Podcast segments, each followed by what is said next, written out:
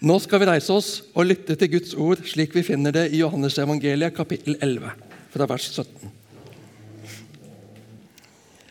Da Jesus kom fram, fikk han vite at Lasarus alt hadde ligget fire dager i graven. Betania ligger like ved Jerusalem, omtrent 15 stadier fra byen, dvs. Si ca. 3 km. Og mange av jødene var kommet til Martha og Maria for å trøste dem i sorgen over broren. Da Martha hørte at Jesus kom, gikk hun for å møte ham. Maria ble sittende hjemme. Martha sa til Jesus, 'Herre, hadde du vært her, var ikke broren min død.' 'Men også nå vet jeg at alt det du ber Gud om, vil han gi deg.' 'Din bror skal stå opp', sier Jesus. 'Jeg vet at han skal stå opp i oppstandelsen på den siste dag', sier Martha. Men Jesus, Jesus sier til henne, 'Jeg er oppstandelsen og livet. Den som tror på meg, skal leve om han enn dør.' Og hver den som lever og tror på meg, skal aldri i evighet dø. Tror du dette? Ja, Herre, sier hun. Jeg tror at du er Messias, Guds sønn, han som skal komme til verden. Da hun hadde sagt dette, gikk hun og kalte i all stillhet på sin søster Maria og sa til henne:" 'Mesteren er her og spør etter deg.' Da Maria hørte det, sto hun straks opp og gikk ut til ham. Jesus var ennå ikke kommet inn i landsbyen, men var fremdeles der Martha hadde møtt ham. Jødene som var hjemme hos Maria for å trøste henne, så at hun brått reiste seg og gikk ut. De fulgte etter fordi de trodde at hun ville gå til graven for å gråte der. Da Maria kom dit Jesus var og fikk se ham, kastet hun seg ned for føttene hans og sa, 'Herre, hadde du vært her, ville ikke broren min vært død.' Da Jesus så at både hun og alle jødene som fulgte henne, gråt, ble han opprørt og rystet i sitt innerste. Og han sa, 'Hvor har dere lagt ham?' 'Herre, kom og se', sa de. Jesus gråt. Se hvor glad han var i ham, sa jødene. Men noen av dem sa, kunne ikke han som åpnet øynene på den blinde, også ha hindret at denne mannen døde? Jesus ble igjen opprørt og gikk bort til graven. Det var en hule, og det lå en stein foran åpningen. Jesus sier, 'Ta steinen bort'. 'Herre', sier Martha, den, den døde søster, 'det lukter alt av ham.' Han har jo ligget fire dager i graven. Jesus sier til henne, Sa jeg deg ikke at hvis du tror, skal du se Guds herlighet? Så tok de bort steinen. Jesus løftet blikket mot himmelen og sa, Far, jeg takker deg fordi du har hørt meg. Jeg vet at du alltid hører meg.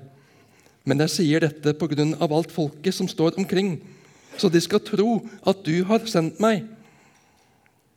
Da han hadde sagt dette, ropte han høyt, Lasarus, kom ut! Da kom den døde ut, med liksvøp rundt hender og føtter og med tørkle bundet over ansiktet. Jesus sa til dem, løs ham og la ham gå. Mange av jødene som var kommet til Maria og hadde sett det Jesus gjorde, kom til tro på ham. Men noen gikk til fariseerne og fortalte hva han hadde gjort. Slik lyder Herrens ord. Vær så god, sitt. Hadde vi lest et par vers til, så hadde vi fått med fariseernes reaksjon. Hva skal vi gjøre? Dette mennesket gjør mange tegn. La vi ham holde på slik, vil snart alle tro på ham. Hva skal en gjøre med sånne som Jesus? Det nytter ikke hva vi sier, formaner eller irettesetter.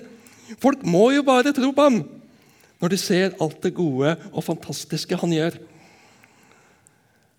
Det var ikke det at han pakket inn budskapet og gjorde det spiselig og strømlinjeformet.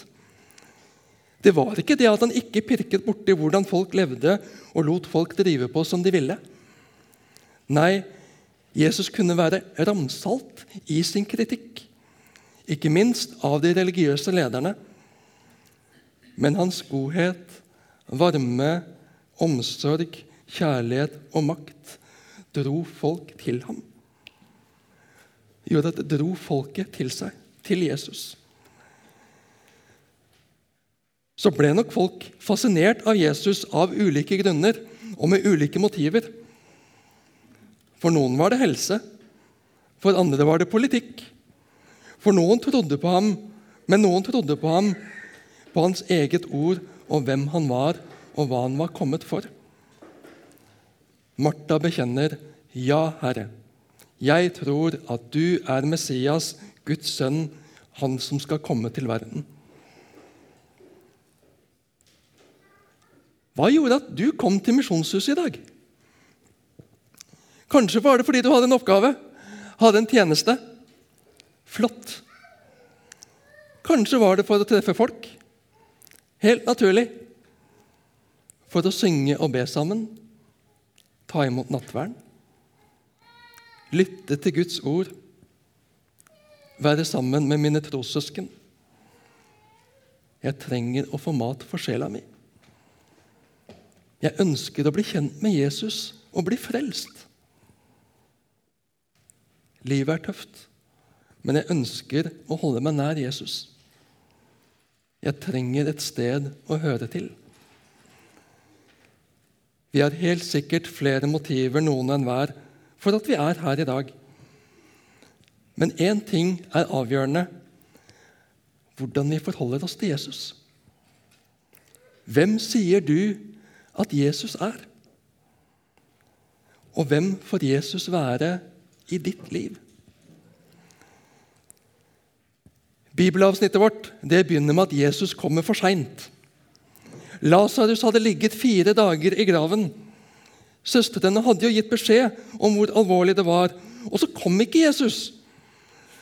Hvorfor kommer du ikke, Jesus? Er det noen som kan kjenne seg igjen? Du har bedt, og du har bedt om Jesu hjelp, om svar, om helbredelse du vet ikke ut eller inn. Du er ganske fortvila. Men Jesus, hvor er du? Jesus, hvor blir du av?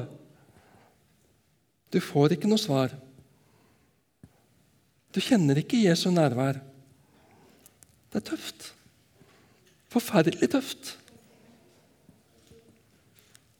Nå var Lasarus død. Det ble ingen fantastisk helbredelse. Jesus, du som har gjort så mange fantastiske ting. Han har hjulpet så mange mennesker. Hvorfor vil han ikke komme og hjelpe oss? Vi er jo vennene hans. Men saken er at Jesus kommer jo ikke for seint. Men det er ingen andre enn ham selv som skjønner det. Ikke ennå. Jesu perspektiv er annerledes enn ditt og mitt perspektiv. Guds perspektiv er annerledes enn andres perspektiv. Våger vi å tro det? Klarer vi å tro det? Mange jøder har kommet for å trøste Martha og Maria i sorgen over tapet av broren. Mange omsorgsfulle mennesker er samla rundt dem. De er ikke alene i sorgen. Og Vi får et lite innblikk inn i den jødiske sørgeskikken shiva, som bokstavelig, betyr, bokstavelig talt betyr å sitte sju. I sju dager. Skikken var at avdødes nærmeste pårørende satt i lave stoler hjemme i huset sitt i sju dager, mens venner og naboer kom for å vise deltakelse med dem i sorgen. Alt håp opplødes ute, men de var tross alt sammen i sorgen. Martha får høre at Jesus kommer, og hun går ham i møte. Og hun kan ikke la være å klandre ham. Herre, hadde du vært her, var ikke broren min død. Jeg vet at du kan Jesus, men jeg skjønner ikke hvorfor du ikke ville. Hvorfor du ikke kom før og helbredet Lasarus, din venn, vår bror. Men så tar hun seg sammen og er høflig, men også nå vet jeg at alt det du ber Gud om, vil han gi deg. Så svarer Jesus, din bror skal stå opp. Hva mener han? Lasarus sover jo ikke. Han er død.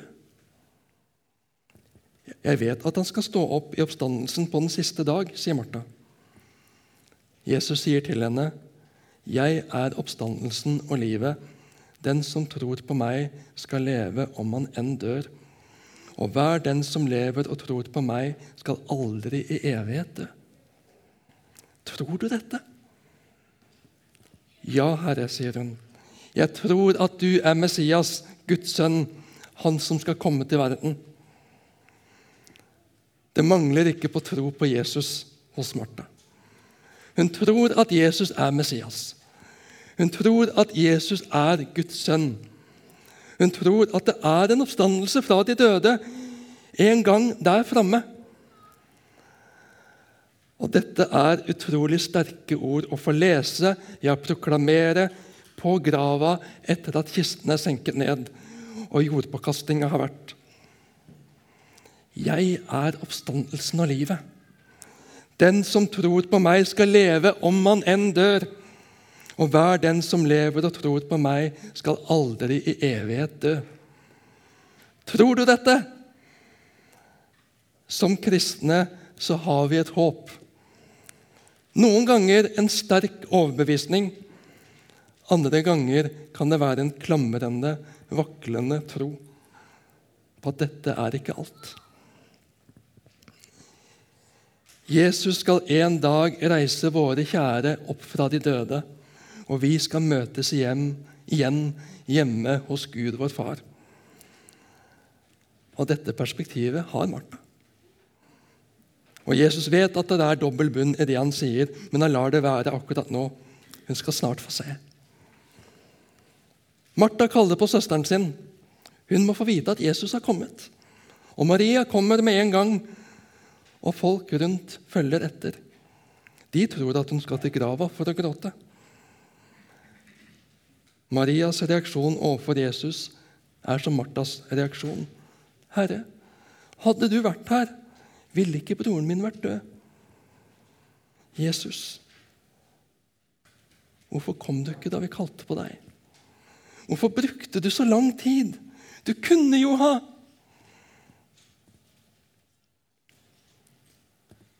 Jeg syns det er mektig å lese Jesu reaksjon. Selv om Jesus har kontroll og all makt, så er han ikke hevet over medfølelse og dypt nærvær. Jesus gråter. Jesus føler inderlig med dem. Jesus ser og forstår og er nær dem i deres fortvilelse, sorg og savn. Det er sant også i den situasjonen du er i akkurat nå. Jesus ser og forstår og er nær i din fortvilelse, din sorg og ditt savn. Jesus føler inderlig med deg.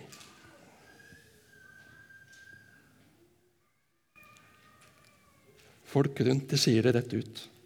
Kunne ikke han som åpnet øynene på den blinde, også ha hindret at denne mannen døde? Han har gjort under før! Hvorfor gjorde han det ikke her? Jesus opphever ikke naturlovene. Jesus fjerner ikke sykdom og død på jorden. Jesus fjerner ikke alt ondt på jorden. For hva hadde blitt igjen da? Hadde jeg blitt igjen da? Hadde du blitt igjen da? Herre Jesus Kristus, miskunn deg over meg, en synder. Jesus kom ikke for å oppheve syndens konsekvenser. Det ville faktisk gjort jorden til et mye verre sted. Jesus kom for å sone synden, gjøre opp for synden bære på egne skuldre konsekvensene av synden for å kunne gi menneskene en ny start, en tilgivelse, renselse.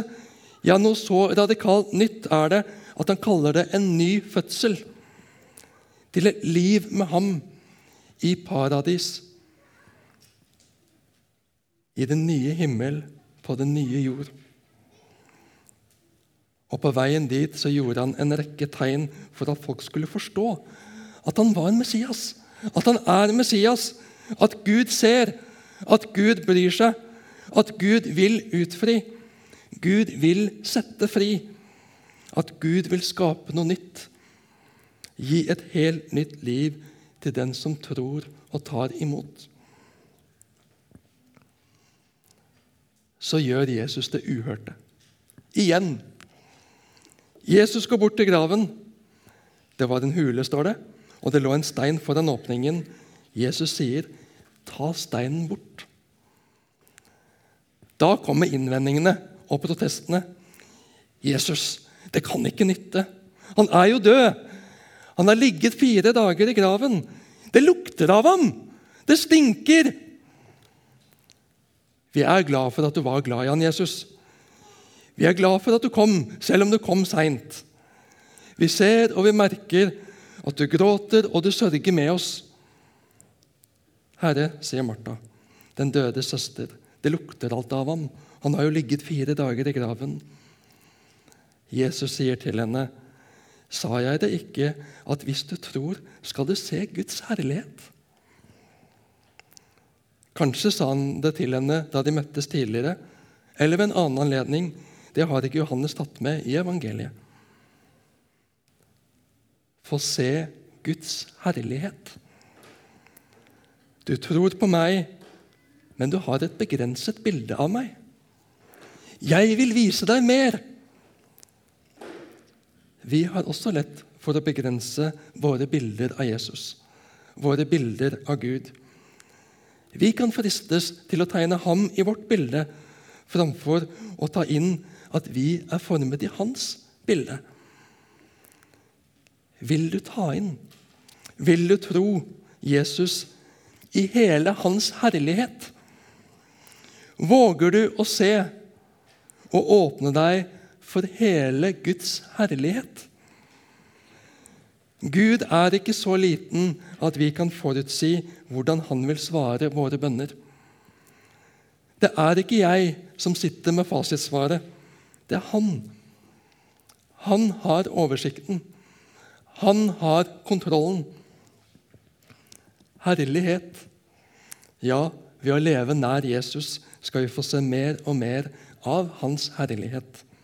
Guds herlighet inntil vi en dag står frelst og fri hjemme hos ham i herlighet.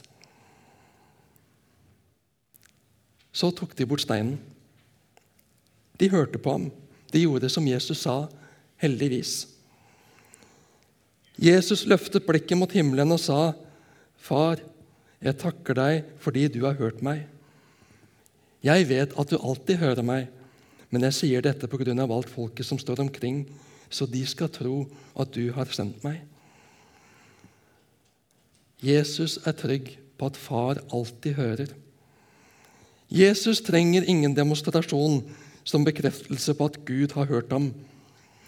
Men han ber om det denne gangen for at de skal tro at Jesus er sendt av Gud, vår far. Andre ganger når de religiøse lederne ba om tegn, så nektet Jesus dem det.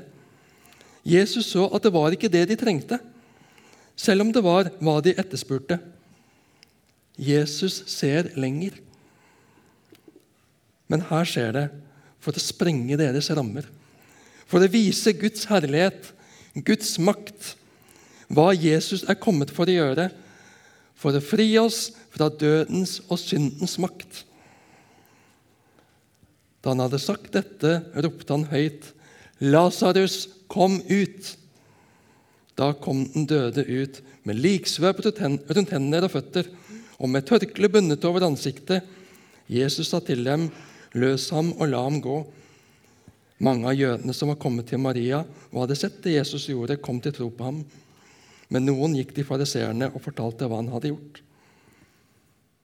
Mange kom til tro på Jesus. Jesus demonstrerte at han er Gud. Han har makt, ikke bare over sykdom, men også over døden. Allting er ham underlagt. Men noen gikk til fariseerne og fortalte hva han hadde gjort.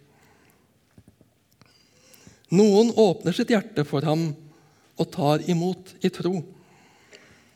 Andre vil ikke tro.